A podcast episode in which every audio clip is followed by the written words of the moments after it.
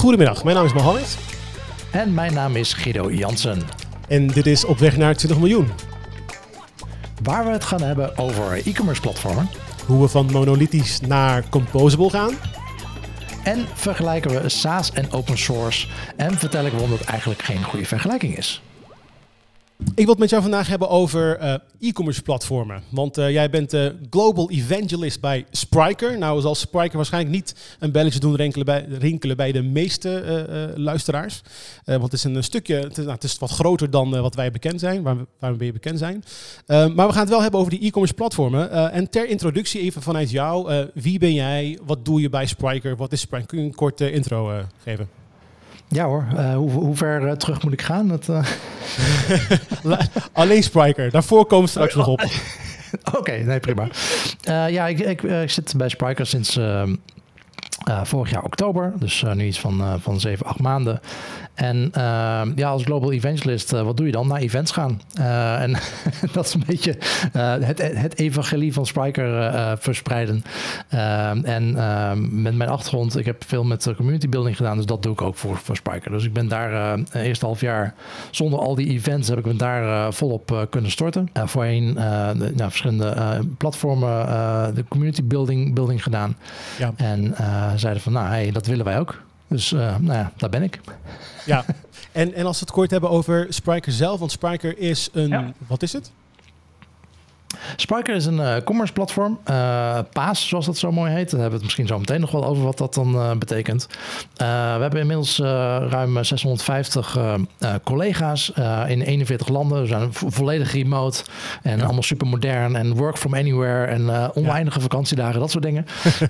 100, 150, 150 enterprise clients die, wij, die wij momenteel bedienen. de afgelopen drie jaar keer op keer 100% eh, revenue eh, growth laten zien. En we hebben een hele hoop ja. blije analisten en blije klanten aan ons hangen. Zoals als Gartner en IDC en dat soort analisten. Die zijn allemaal mooi lovend over ons. En onze klanten waarderen ons ook heel erg. Dus dat, dat, dat gaat lekker. Het is uiteindelijk gewoon het platform waarop je e-commerce kunt bedrijven. Yes? Ja, ja. ja. en uh, daar gaan we het vandaag over hebben. Want uh, jij hebt, uh, jouw CV gaat ver voorbij Spriker uiteraard. Twintig jaar ben je al bezig met tech, kan ik bijna zeggen. Bijna twintig. En daarvan 15 jaar ongeveer in e-commerce. Met Magento heb je, een, heb je een flinke inzicht in, in de Magento community. je bent heel lang met CRO bezig geweest, van en nog wat. Ik wil beginnen met het volgende. Um, een terugblik op e-commerce technologie en een vooruitblik op e-commerce technologie. Nou, ik denk dat Spryker in principe aan de innoverende kant is. Zeker vergeleken met uh, wat, uh, uh, wat, de, de, wat MKB heeft aan e-commerce platformen. Maar als jij een beetje terug zou kunnen gaan in de geschiedenis. Hè, en als jij ons een soort van een samenvatting zou kunnen geven van die geschiedenis. Hoe zijn e-commerce platformen destijds begonnen? Ga uit van bijvoorbeeld een Magento. En waar staan we nu? Hoe is het begonnen? Waar staan we nu?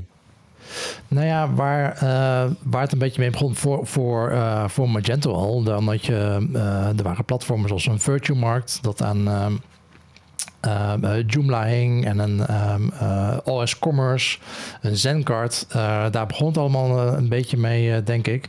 En in die tijd dat ja, Magento kwam, kwam kijken rond 2007, 2008. Ja.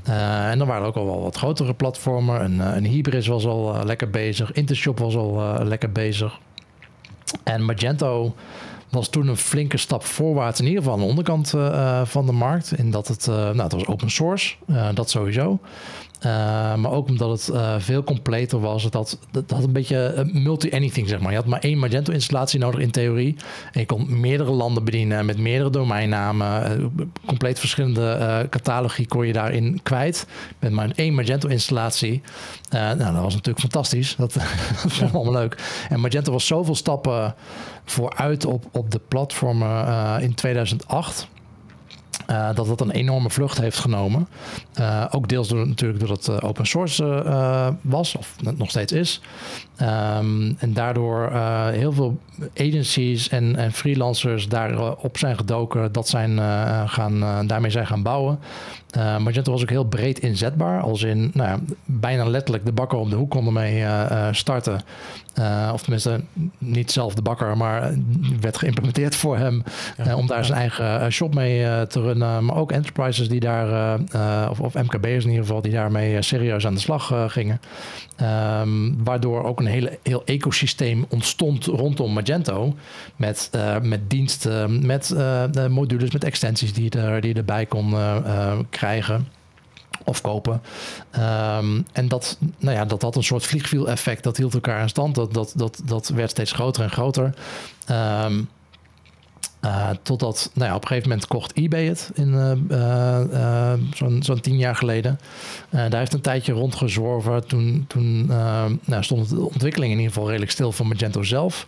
we hebben heel lang op Magento 2 moeten wachten. Ja. En toen zijn door eBay weer verkocht. Uh, overgenomen door een investeringsmaatschappij, uh, Permira. En uh, toen, die hebben het uiteindelijk na, na, iets van drie jaar volgens mij verkocht aan, aan Adobe. nou, in de tussentijd is natuurlijk heel veel gebeurd. We hebben Shopify enorme opkomsten zien maken, andere SaaS-platformen. WooCommerce is ontzettend populair aan de onderkant van de markt. Dus Magento is heel erg opgeschoven naar de bovenkant van de markt. omdat aan de onderkant van de markt heel veel concurrentie kwam, waar Magento eigenlijk dan weer misschien te complex uh, voor was uh, in verhouding met, uh, met de anderen. Dus, en, en Magento zelf, ook, ook Adobe, ja, die vinden vooral de bovenkant van de markt erg interessant. Dat is waar Adobe met hun experience manager zelf in zitten. die zitten niet aan de onderkant van de markt, die zitten aan de bovenkant. Dus ze willen daar een aansluiting zien te vinden. Daar wilden ze een platform voor hebben. Daarom hebben ze Magento gekocht. Um, ja, en, en waar we nu staan, um, ik denk dat er heel veel heel veel keuzes in ieder geval. Dus dat is supergoed. Ja, Vergeleken met, met 15 jaar geleden ontzettend veel keus. Het is veel makkelijker om een shop te beginnen nu voor een, uh, voor een commerce uh, partij. Als je een shop wil starten, nou, ga, ga even een middag, middagje buffelen en je, hebt je shop wel staan. Zeker met een, uh, met een SaaS-platform. Um, het is ook een, een stuk complexer geworden. Ik denk dat dingen steeds sneller moeten veranderen. we willen... Um, consumenten verwachten sneller dat er, dat er sneller ingespeeld wordt op dingen. Um, wat ik net zei, eh, Spriker is heel sterk in de B2B-hoek. Uh, eh, is niet het enige wat te doen, maar daar zijn we wel heel sterk in. Uh, daar zien we ook steeds meer uh, uh, verwachtingen en eisen dat die heel erg vanuit de B2C-hoek komen, zeg maar. Um, uh, da daar die verwachting van de B2B-consument. En die, die B2B-consument, die, die zit daar overdag, die wil wat bestellen. Maar die is s'avonds ook gewoon een B2C-consument natuurlijk in het weekend. Ja. Dus ja. die, heeft, die krijgt ook bepaalde verwachtingen daarbij, bepaalde flexibiliteit die verwacht wordt van, van B2B. Um, en ook met, nou, je zegt het met, met corona uh, en met andere uh, dingen die wereldwijd gebeuren, ook met, uh, met Oekraïne. De, supply chain kan heel snel veranderen. Dat soort veranderingen hebben kunnen een enorme impact hebben. Dus je ziet wel dat steeds meer bedrijven op zoek zijn naar meer flexibiliteit, denk ik. Ik denk dat ik een heel Wikipedia-pagina los heb gekregen met die vragen bij jou, ja. Guido. dat was een uitgebreide vraag. ja, nee, nee, je hebt gelijk. Je hebt gelijk. Ik, ik, ik kan nog een pagina bijschrijven als je wil, maar ik laat, laat ik even mijn mond houden. Als, ik, als, als we dus teruggaan naar, hè, dus voor het begin, nou, als we gaan naar 2005, die jaren, weet je wel. Dus Magento ja. is er nog niet, Magento komt er. Het onderscheidende van Magento is dat je één platform hebt die je overal kunt inzetten en die open source is, die breed inzetbaar is. En dat is dan het onderscheidende ten opzichte van voorgaande platformen. Ja, ik denk de, de, de flexibiliteit als in open source, uh, dat heeft het heel erg geholpen. Dat was onderscheidend. Uh, in ieder geval ten opzichte van een Intershop en een Hybris. Ja. Uh, en, to, en, ten opzichte van de, van de open source platformen die er waren. Um, was het denk ik een stuk um, beter opgezet. De, de, de ja. techniek was gewoon veel moderner, waardoor developers er liever mee werken. Um, en uh, wat ik zei, dat, dat, dat multi-everything, dat, dat was wel een belangrijke feature. Want ik, ik, kende best wel wat uh, uh, webshop-handelaren van voor Magento, die dan, die dan, nou ja, dan 20 tot 50 webshops aan het runnen waren. Allemaal verschillende installaties ja, van ja. OS Commerce. ja, dat, dat, is gewoon niet te managen, zeg maar. En met Magento kun je dat gewoon terugbrengen tot één platform. Dus ik denk dat dat en, en, kijk, als je maar één shop hebt, dan is dat niet zozeer een toegevoegde waarde. Maar als je meerdere shops hebt, of al, al begint het al met meerdere landen of meerdere talen waarin je wat moet doen, uh, dan, dan wordt Magento is dan heel snel uh, veel interessanter dan uh, al die andere platformen. En ja. dat heeft, het wel een enorme edge gegeven ten opzichte van de concurrentie. als we dat ook een benaming zouden moeten geven, is dat een, een monolithische benadering van, van e-commerce. Dat je, je hebt één blok, Magento, en daarmee kan je heel veel. En we gaan steeds in, we gaan steeds meer naar een richting toe waarin je niet meer een monolithische uh, benadering hebt, maar uh, je gaat ofwel headless, ja, ofwel dus in het geval van Spiker, jij noemde mooie termen, composable commerce en package business capabilities.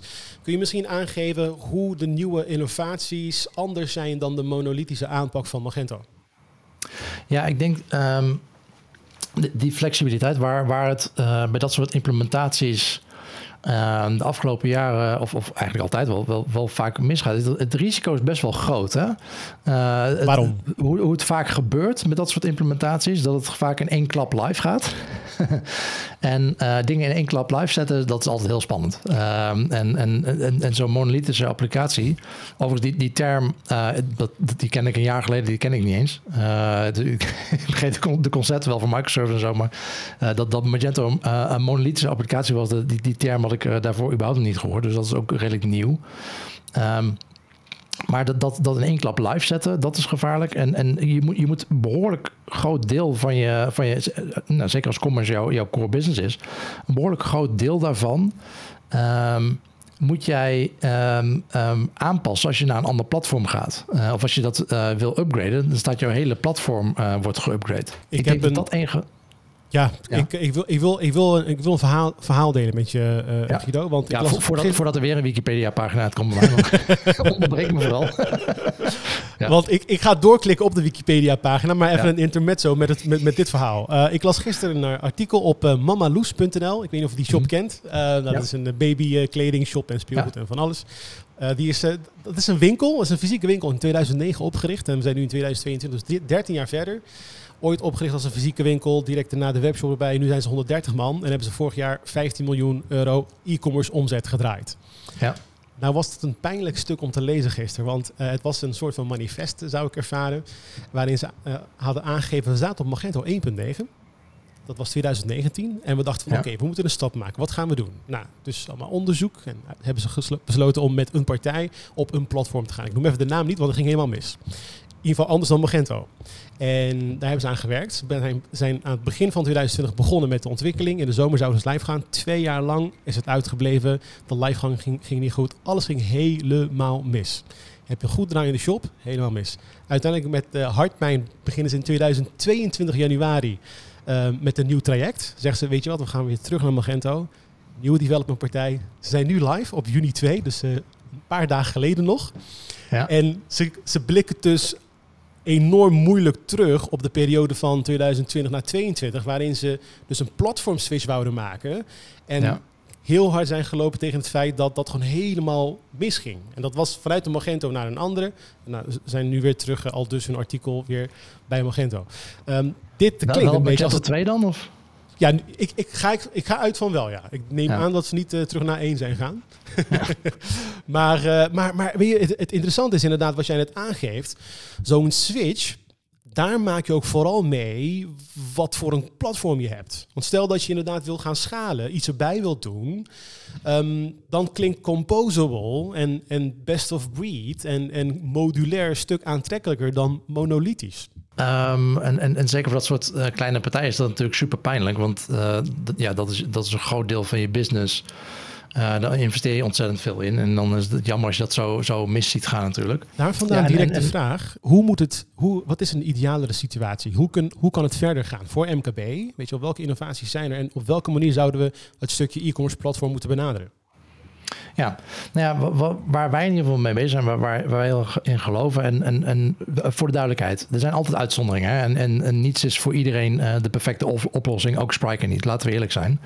Ja. Um, en, en wij werken heel erg voor de enterprise-markt. Dus uh, voor, voor Mamaloes zal Spriker waarschijnlijk niet de beste oplossing zijn. Dat, dat is niet uh, helemaal onze markt. Uh, voor de duidelijkheid, hoe wij ons in, in Nederland neerzetten is ook dat wij eh, pas eigenlijk serieus komen kijken als, eh, als het op meer gaat, als je meer dan 100 miljoen omzet hebt. Dus dan is Spryker waarschijnlijk niet de beste oplossing als jij uh, 15 miljoen doet. Uh, maar in het algemeen denk ik dat we zeker wel kunnen zeggen, als jij, um, je, je, je noemde net al, uh, uh, je, hebt best of breed, best of, best of suite. best of suite is een beetje wat, wat de, de richting waar Adobe bijvoorbeeld heen gaat. Ze hebben een hele suite, daarom ook best of suite, een hele suite aan, aan producten. Ja. Uh, en, en de gedachte is, die zijn allemaal uh, goed met elkaar geïntegreerd. Want dat is allemaal van één partij. Uh, die hangen allemaal samen. Dus als ik, ik kan makkelijk van het ene product ook gebruik maken van het andere product. En die werken dan fantastisch samen. nou, dat fantastisch samen, in, in mijn ervaring, is dat, is dat in de praktijk vaak beperkt, laat ik het zo zeggen. Het hangt heel erg van de partij af en, en welke, welke produ producten. Maar, maar zoiets als Um, uh, zeker als, als ze recent aankopen hebben gedaan. Dat is niet magisch dat het ineens uh, praat met, met de hele suite van zo'n bedrijf. Dus daar gaat meestal wel wat aan vooraf voordat dat goed met elkaar praat. Maar als dat zo is, dan, dan, is dat op zich een prima oplossing. Maar al die verschillende onderdelen, en misschien heb je dan, tien onderdelen van zo'n bedrijf in gebruik. Ja, misschien zijn acht daarvan wel niet helemaal niet geschikt voor of goed voor jouw bedrijf. Misschien is dat helemaal niet wat je eigenlijk wil. Maar omdat jij nu locked in zit in dat bedrijf ja, moet je daar maar mee verder. Um, en bij Adobe gaat het op schootschaal. En, en, en, maar maar op, op, commerce schaal zelf uh, kun je dat ook zo bekijken. Al, al die verschillende onderdelen van jouw commerce uh, tool.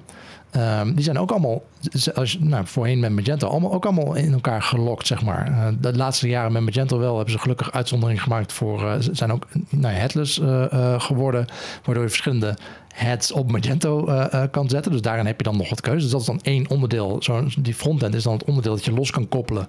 En daar heb je dan keuze in.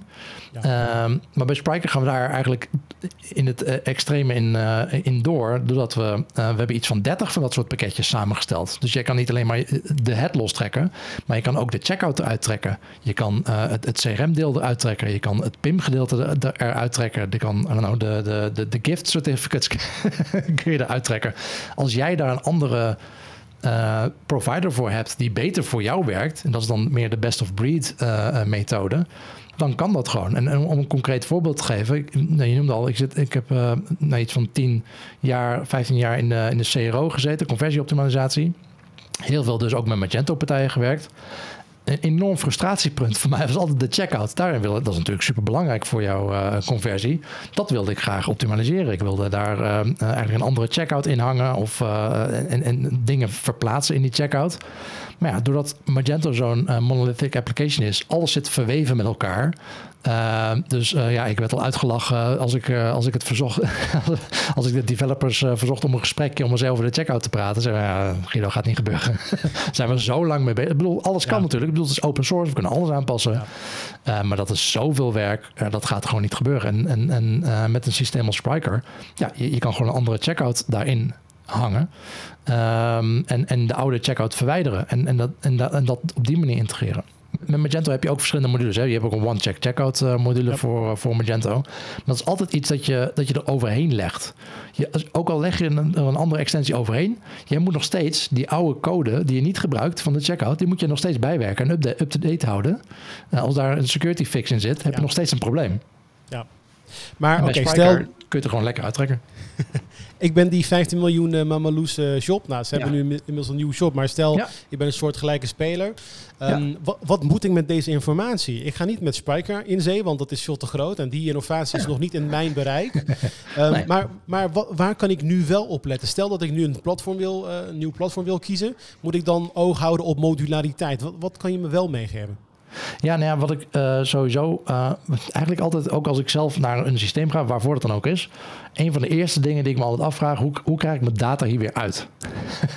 hoe, Niet erin, hoe maar eruit. Hoe, ja, hoe, hoe, hoe, hoe uh, kan ik scheiden van deze partij? Als ik hier wel weg wil, hoe kom ik dan weg? waar, waar zit mijn data in en hoe moeilijk gaat dat zijn? En dat, zal voor, dat antwoord is natuurlijk voor iedereen anders. Dat hangt er vanaf wat je doet. Maar um, en heel veel partijen zal het, uh, uh, nou sowieso moet, er een, uh, moet je al die data kunnen exporteren. Maar ja, hoe, hoeveel effort gaat dat zijn? Kan ik dat stapje voor stapje doen? Als het een monolithic application is, waarschijnlijk niet. Um, en heb je het dan in ieder geval gesplitst tussen bijvoorbeeld een, nou, heb je een headless backend en, en, en, en een frontend.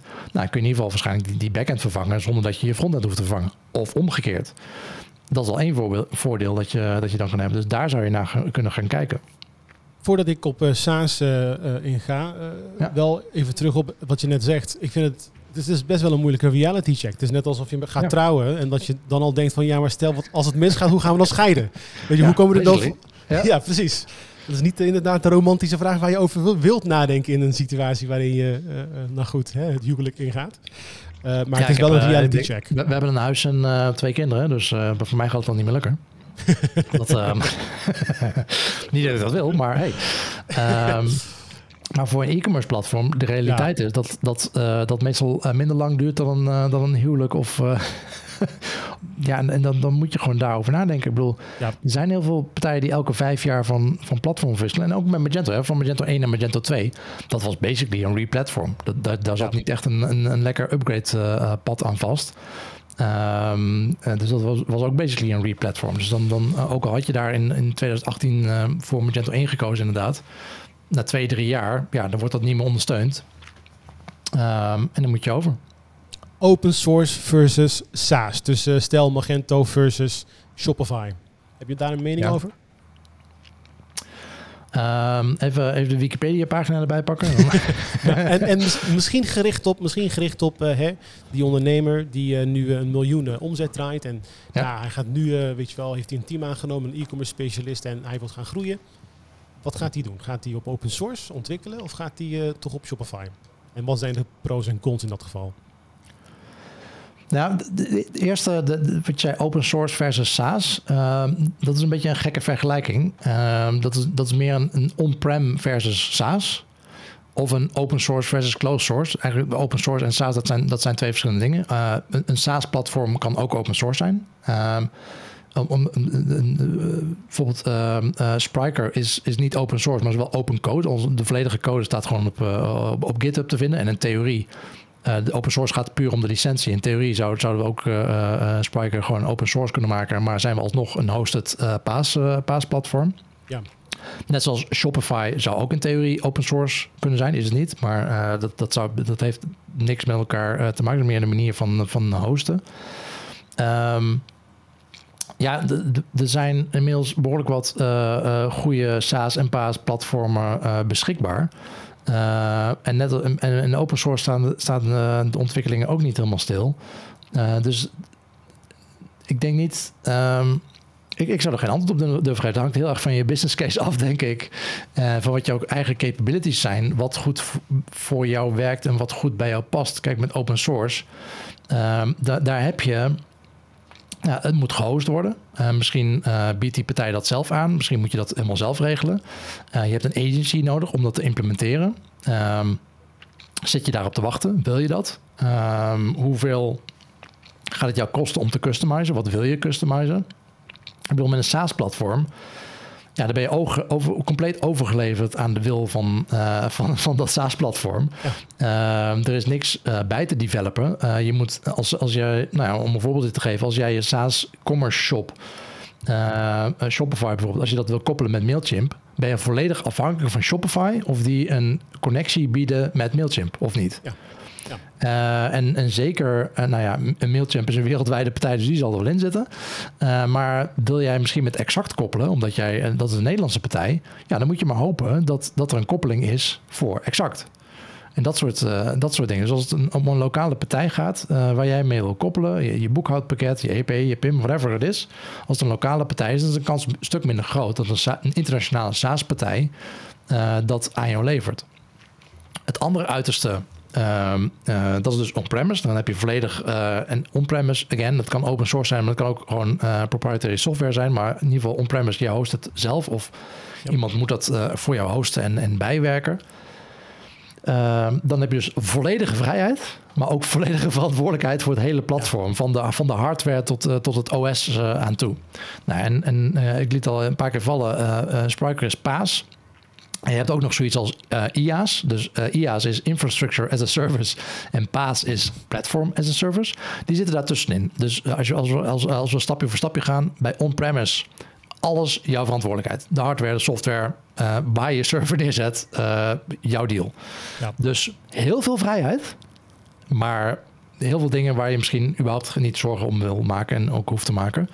IaaS is een stapje verder. Dan is de, de hardware in ieder geval volledig uh, geregeld. Uh, en vanaf het OS en daarboven moet jij het gaan regelen. Of moet je iemand hebben die dat, uh, die dat regelt.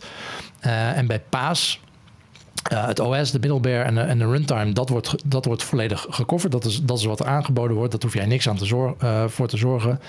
Uh, en dan gaat het om de data en de application. Daar heb jij nog volledige toegang toe en vrijheid toe om dat zelf in te richten.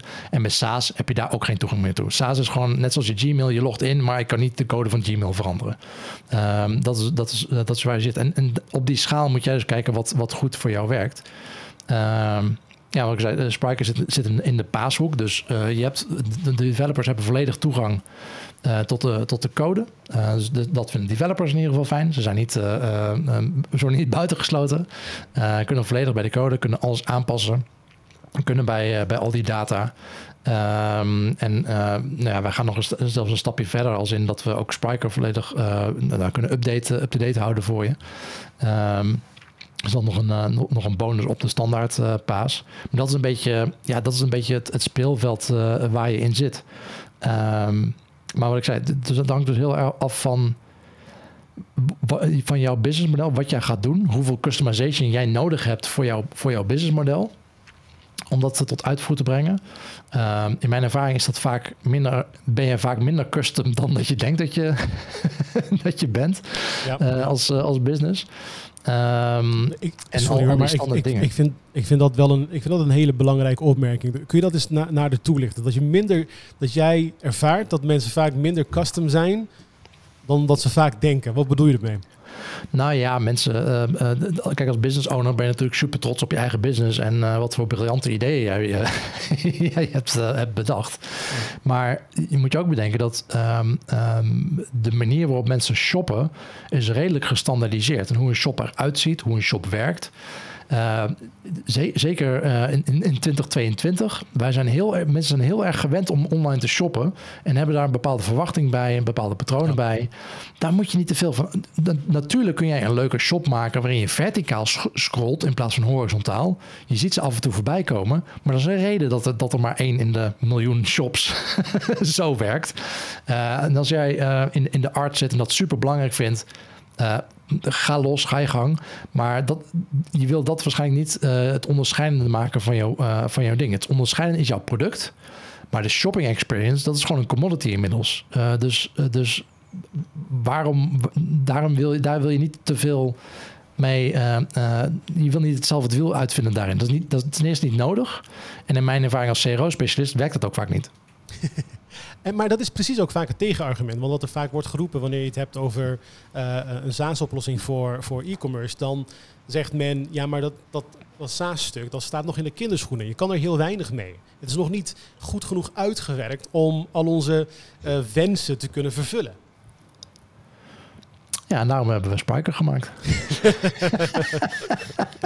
nee, maar, gek, maar, maar, maar ben ik het niet helemaal mee eens. Ik bedoel, zijn genoeg. Uh, nou, bedoel, Shopify is enorm. Hè? Uh, laten we wel zijn. Uh, dat, is een, dat is een enorme business. En die doen ontzettend veel shopping op, via hun platform.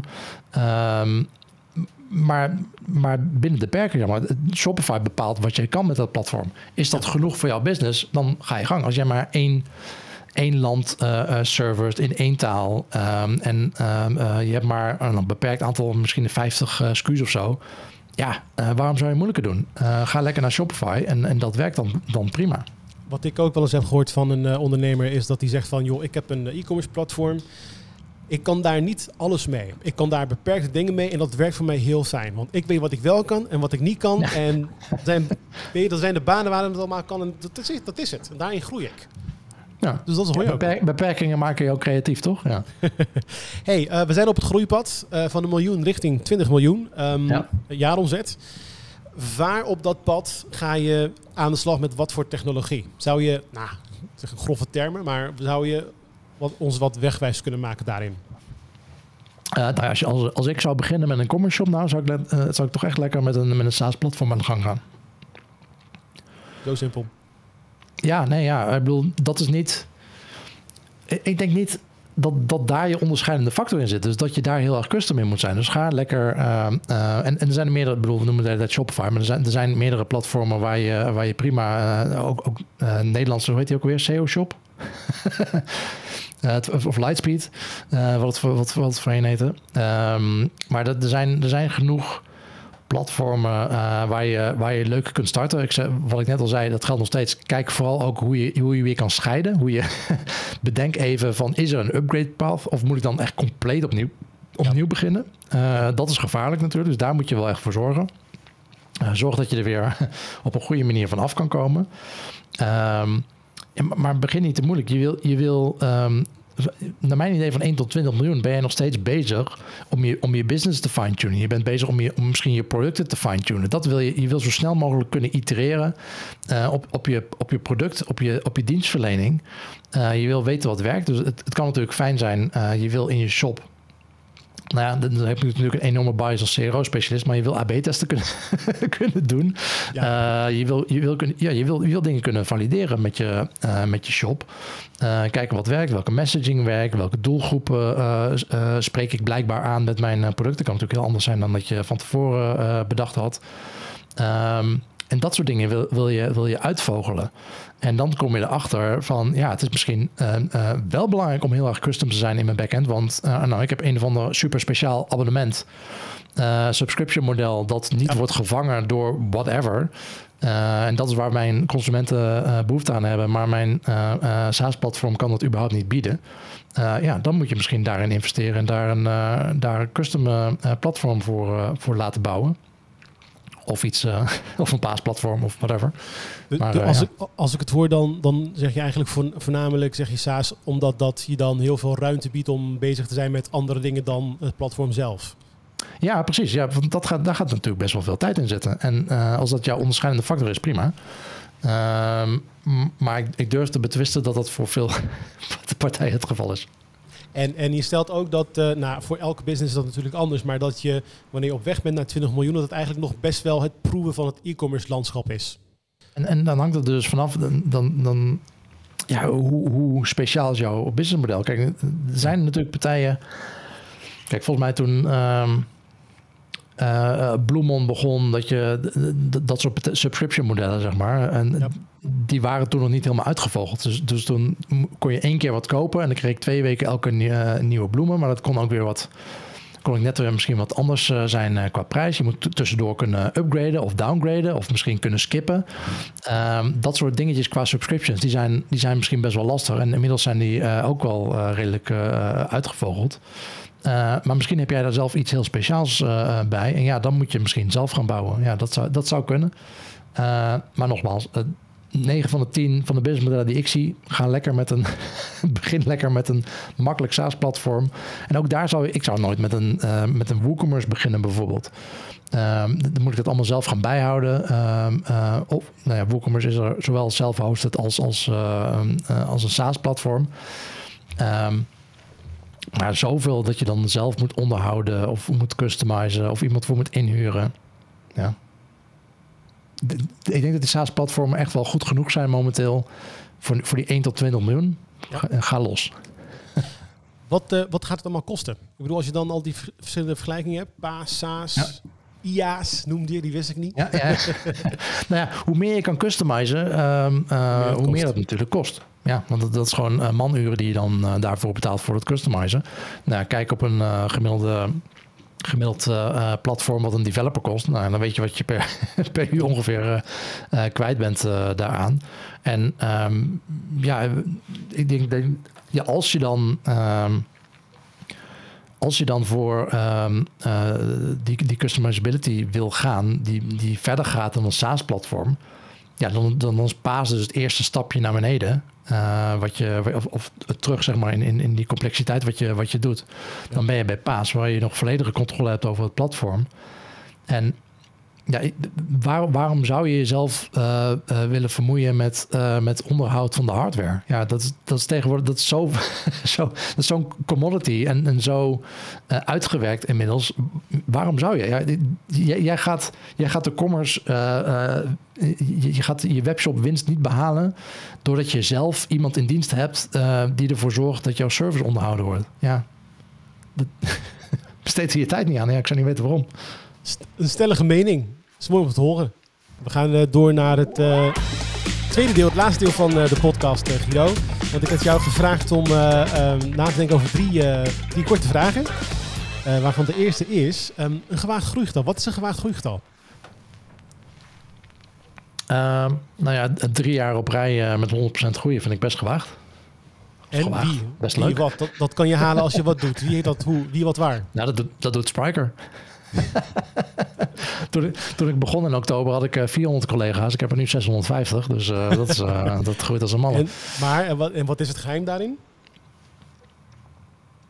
Uh, nou ja, een, een, product hebben dat een goede product market fit uh, heeft en dat uh, waar veel vraag naar is. Um, dat denk ik. en, en we hebben natuurlijk investeerders gehad, dus dat, dat helpt natuurlijk enorm als je mensen wil inhuren. En als ik jou de klassieke vraag stel van uh, is het uh, belangrijker om een goed product te hebben of is het belangrijker om goede marketing te hebben? Wat zou je zeggen? Um, nou ja, die, die marketing werkt natuurlijk maar op een, tot een bepaalde hoogte. Dus dan zou ik toch wel voor het product gaan. Uh. Oké. Oké, nou goed, dat nemen we mee. En, en, en, en, marketing kan het, kan het natuurlijk in helpen. Maar nee, een goed product, dat ehm, staat wel bovenaan, denk ik. Dat is, ja, oké. Hey, de volgende vraag. Een bijzonder bedrijf. Wat is een e-commerce speler waarvan jij denkt, die doet het wel, die, die doet het wel goed. Buiten Spriker om. ja, nou ja, ehm, dan ga ik gewoon, ik ga gewoon een concurrent noemen en dat is dan Shopper. Oké, vertel. Um, nou ja, die, ik volg natuurlijk al uh, uh, 15 jaar uh, in, de, in de Magento community uh, gezeten. En ik denk dat, dat zij heel goed een, een vervanging voor, voor zowel qua product lijkt het er heel erg op wat Magento zeg maar 10 jaar geleden was. Ja. Qua, qua ja, niet zozeer het product zelf, maar ik bedoel meer uh, het, het, uh, de, de, de partijen die ze aanspreken en de positie die ze een beetje innemen in het, uh, in het landschap. Um, en en er zijn heel veel mensen, dat, dat, zie je ook door de, door de agencies, die overstappen van Magento naar, naar Shopware. die ja. dat er ofwel bijnemen als platform, of die dat er. Um, uh, gewoon volledig switchen, Magento laten vallen en, en voor Shopware gaan. Uh, de community building uh, die ze doen, zijn natuurlijk wel, er zijn best wel veel mensen van Magento naar, naar Shopware gegaan. We natuurlijk Ben, ben Marks, die evangelist was voor, voor Magento, die nu bij Shopware zit. Sander Mangel, goede vriend, die, die, die daar allemaal leuke dingen doet. Um, ja, dat, dat, ik kan er wel, uh, daar kan ik wel van genieten dat, ze, dat, uh, dat zij dat ze zo goed doen en, en die community opnemen. Ook misschien deels omdat het uh, bij mij natuurlijk ook nog wel pijn doet om te zien wat er nu met Magento gebeurt. Dat dat zo hard achteruit gaat. de strubbelingen in de community. Dat nou, eigenlijk Magento, als je naar Adobe kijkt, dan bestaat Magento überhaupt niet meer. Ja. qua, qua naam in ieder geval. En het product is inmiddels ook. het wordt, ze investeren alleen nog maar in hun SaaS-platform Adobe Commerce Cloud. Dus dat hele open source gedeelte wat dat ooit was, dat, dat hebben ze gewoon volledig uh, laten vallen. En ja, dan aan de community om, daar, uh, om te kijken wat ze daarmee willen doen. Ja. En uh, ja, dat zal een leuke worsteling zijn de komende, komende tijd. Het is, het is, al een flinke worsteling als ik het zo, zo zie, nu als, als buitenstaander. Uh, maar Shopware pakt dat, uh, pakt het heel mooi op. Uh, ook een Duitse partij, net als, net als Spriker. Ja, die, die probeert de wereld te veroveren. Maar ja, aan de onderkant van de markt is dat dan toch wel nou meer een monolithic platform dan, dan Spriker. Ja, sowieso. Um, um, en, en, ze zijn wel headless natuurlijk. Zoals elk platform tegenwoordig. maar voor die, aan, aan, die onderkant van de markt, waar Magento ooit, ooit heel goed was, uh, daar pakken zij dat uh, super mooi op. Het maakt ontzettend goed gebruik van. Um, um, nou ja, de omgang van Magento, is dat uh, te, te, te harsh? Of? Ja, nou, nou, ze hebben gewoon een goed momentum te pakken. Goede timing ja, met de, de, de, ja. stappen die ze maken. En ze hebben ook een mooie investering binnengehaald, recent. Ja, dus, zeker. ja, PayPal erbij, ja. Heel goed. Ik, uh, ik, ik, hoop dat ze ook wat aan hun pricing model gaan doen voor, voor hun own sake. Want als ik nu naar Shopify en, en, kijk naar hun pricing, dan denk ik vooral, hoe maken jullie hier een vreselijk geld mee? Ja. en dat, dat, nou, dat, is misschien ook nog wel een, een, idee van, dat klinkt een beetje, een beetje gek misschien, maar als jij, als jij start en als jij je e-commerce platform kiest of, of ook een agency, um, dan klinkt het natuurlijk leuk als dat weinig geld kost. Uh, maar je wil ook wel dat die partij goed, goed brood verdient met jou. Uh, anders kunnen ze niet, of met welke business ze ook doen. Anders kunnen ze namelijk niet investeren. En als ik nu naar het pricingmodel van Shopware kijk, denk ik heel erg. Jullie, jullie houden geen geld over. Jullie hebben allemaal mensen op de, op de payroll staan. Jullie willen dit product doorontwikkelen. En uh, met, met die paar honderd euro, of zelfs paar duizend euro voor, voor het hoogste plan, die jullie hiermee binnenhalen. Um, ja, eh, dan heb je die investering hard nodig, dat snap ik. Maar ik, ik, neem aan dat voor de lange termijn dat ze daar wel wat aan, eh, aan uh, moeten doen. Dus dat. Uh, ja, je wilt uh, dus eigenlijk. vast gaan doen. Ja. Je, je, wilt een goede prijs hebben natuurlijk als merchant, maar je wilt ook niet dat de prijs zo laag is dat je denkt van. Gaat het wel nou, de goede kant op Over een jaar zijn ze feed. Over een jaar zijn ze kopje onder. Ja, dan ben je ook. Ja. De allerlaatste vraag, Guido. een stukje ongevraagd advies aan de luisteraar. Op weg naar 20 miljoen, wat zou je zeggen? Ja, en dat is, uh, dat is mijn eh, achtergrond in, uh, in de CRO die dan om de hoek komt kijken. Um, doe gedegen gebruiksonderzoek. ik had het net al over van dat je ook, naar mijn idee, nog steeds van 1 tot 20 miljoen. nog steeds een beetje op zoek bent naar, naar, je, naar je market fit. Um, en wat goed, goed werkt voor jou. Doe goed gebruikersonderzoek. En dat hoeft niet altijd moeilijk te zijn. Je, je kan er agencies, bureaus voor inhuren die gebruikersonderzoek doen. Uh, het is ontzettend verhelderend om dat te doen. heel veel, er zijn weinig partijen die dat, die dat met regelmaat doen. als in elke maand of nou, misschien elk kwartaal of zo. Maar zet gewoon mensen in een hokje. Bij voorkeur niet op, bij jouw bedrijf met jouw grote bedrijfsnaam erboven. Zodat, zodat ze al gebiased zijn. Oh, jullie werken voor I don't know, Jacob Douw Egbert. Um, laat, ik, laat ik even positief zijn dan over Jacob Douw Egberts, over koffie, want dat zijn jullie blijkbaar. Nee, maar gewoon op een, een onafhankelijke research locatie. Ga voor, mijn part de stad in, huur een kantoor uh, voor een dag.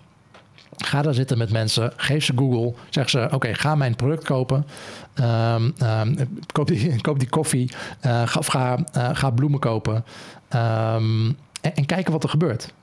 Uh, kijk, uh, kijk hoe ze naar de concurrentie uh, gaan. Kijk hoe ze Google gebruiken. Wat, wat, waar selecteren ze op? En laat dat. En, en, dat, dat zijn maar een paar mensen op dag. Hè. Op zo'n dag heb je misschien zes tot acht mensen. misschien heb je, hopelijk heb je duizenden mensen op je website elke dag. Maar het, het, vooral die, die combinatie tussen kwalitatief en kwantitatief onderzoek ja. is ontzettend waardevol. Uh, sta je niet blind op Google. Kijk, Google Analytics kan jou heel goed vertellen waar het misgaat op je site, maar vertelt je niet waarom het misgaat. En hints of inzichten naar dat waarom kan ontzettend verhelderend zijn. Ja, en ik, ik hoor toch eigenlijk soort van dat je meer leunt richting het stukje kwalitatief onderzoek, omdat het kwantitatieve vaak al gebeurt. Zeg ik dat goed? Ja, inderdaad. Het is allebei belangrijk. Um, ja. uh, don't get me wrong. Maar dat, dat, ja, kijk, iedereen heeft al Google Analytics. En iedereen uh, staat zich blind op Google Analytics. Dat, dat nou, kunnen we kunnen over discussiëren over hoe goed dat gebeurt. En hoe goed die data is. Maar dat, dat, ja. dat gedeelte gebeurt meestal wel iets mee. En met het kwalitatieve gedeelte gebeurt vaak überhaupt niks mee. Er, er, wordt vaak geen gebruiksonderzoek gedaan. Dat gebeurt überhaupt niet. Um, maar dat kan ontzettend veel zijn. En daar uh, nou, een voorbeeld te geven. Toen ik bij uh, zat. Een van de meest duidelijke voorbeelden, denk ik. Uh, zagen we in Google Analytics wel een duidelijke drop-off op een bepaald punt in de checkout. Maar ja, we hadden geen form tracking aanstaan of zo. Google Analytics keek alleen maar naar, keek alleen maar naar pagina's. Dus we wisten, nou, die pagina, daar is iets geks mee. uh, maar daar moeten we wel mee doen. Uh, maar we hebben geen idee waarom. Nou, met gebruiksonderzoek was super helder. Iets van, van uh, uh, vijf van de zeven mensen die vielen over het veldje het telefoonnummer. En dat was ver, een verplicht veld, stond zo'n asterixje achter. Ja, ja. zonder uitleg. maar ja, bloemen koop je als gift voor iemand anders. dus nou, één, heel praktisch. ik heb het telefoonnummer niet. Dead end. Uh, want ik snap dat ik een adres moet hebben om bloemen te verzenden, maar dat ik een telefoonnummer moet hebben, dat, ja, waarom zou je? Uh, dus misschien heb je het niet eens. Ten tweede, uh, koop bloemen voor Valentijnsdag. Het is een verrassing. Wat gaan jullie in vrees nou met dat nummer doen? gaan jullie persoon bellen en de verrassing uh, verpesten? Of nog erger, mijn naam vertellen? Dat wil ik helemaal niet. Ja, ja, en de derde reden was dat, nou, dan, dan, stuur ik mijn moeder voor moederdag een, een, een, bosje bloemen. En dan worden ze zeker die week daarna door jullie plat gespamd met allemaal sms'jes, met, met reclameboodschappen. Dat wil ik ook helemaal niet. Dus omdat er ook geen uitleg bij stond, uh, mensen, mensen werden echt pissig. ja, en dan weet je, nou, als mensen boos worden, als er emotie bij komt, uh, veel emotie bij komt bij zo'n gebruiksonderzoek, dan weet je, oké, nu, zit ik, nu zit ik supergoed. en dat was een enorme bottleneck, bleek dat te zijn. en en nou ja, dan het ergste, dan ga je navragen binnen het bedrijf van, ja, waarom is dat überhaupt? En waarom hebben we dat? en dan bleek, ja, als we in het noorden van Noorwegen, als een bloemist dan ehm, die dingen moet wegbrengen, aan die bloemboeketten, dan moet hij soms twee, drie uur rijden. En het is wel fijn als je van tevoren even kan bellen. Ja, sure, iedereen snapt dat. maar uh, het noorden van Noorwegen is niet het enige waar we wat verkopen. Dat doen we in heel veel landen. Uh, waar op elke straathoek een bloemist zit. Dat is lang niet een issue. Dus laten we alsjeblieft een filter opzetten voor alleen die uitzonderingsgevallen. Als we dat detecteren qua uh, postcode of zo. en laten we dat nou ja, in ieder geval niet als verplicht veld en, en lekker optioneel houden. Uh, en, en daar ook uitleg bij geven waarom we dat dan vragen. Dus uh, ja, dat was een uh, enorme verbetering. Dat is nou, een mooi verhaal, een mooie afsluiting van deze podcast. Guido, bedankt voor je tijd. Ja, geen dank.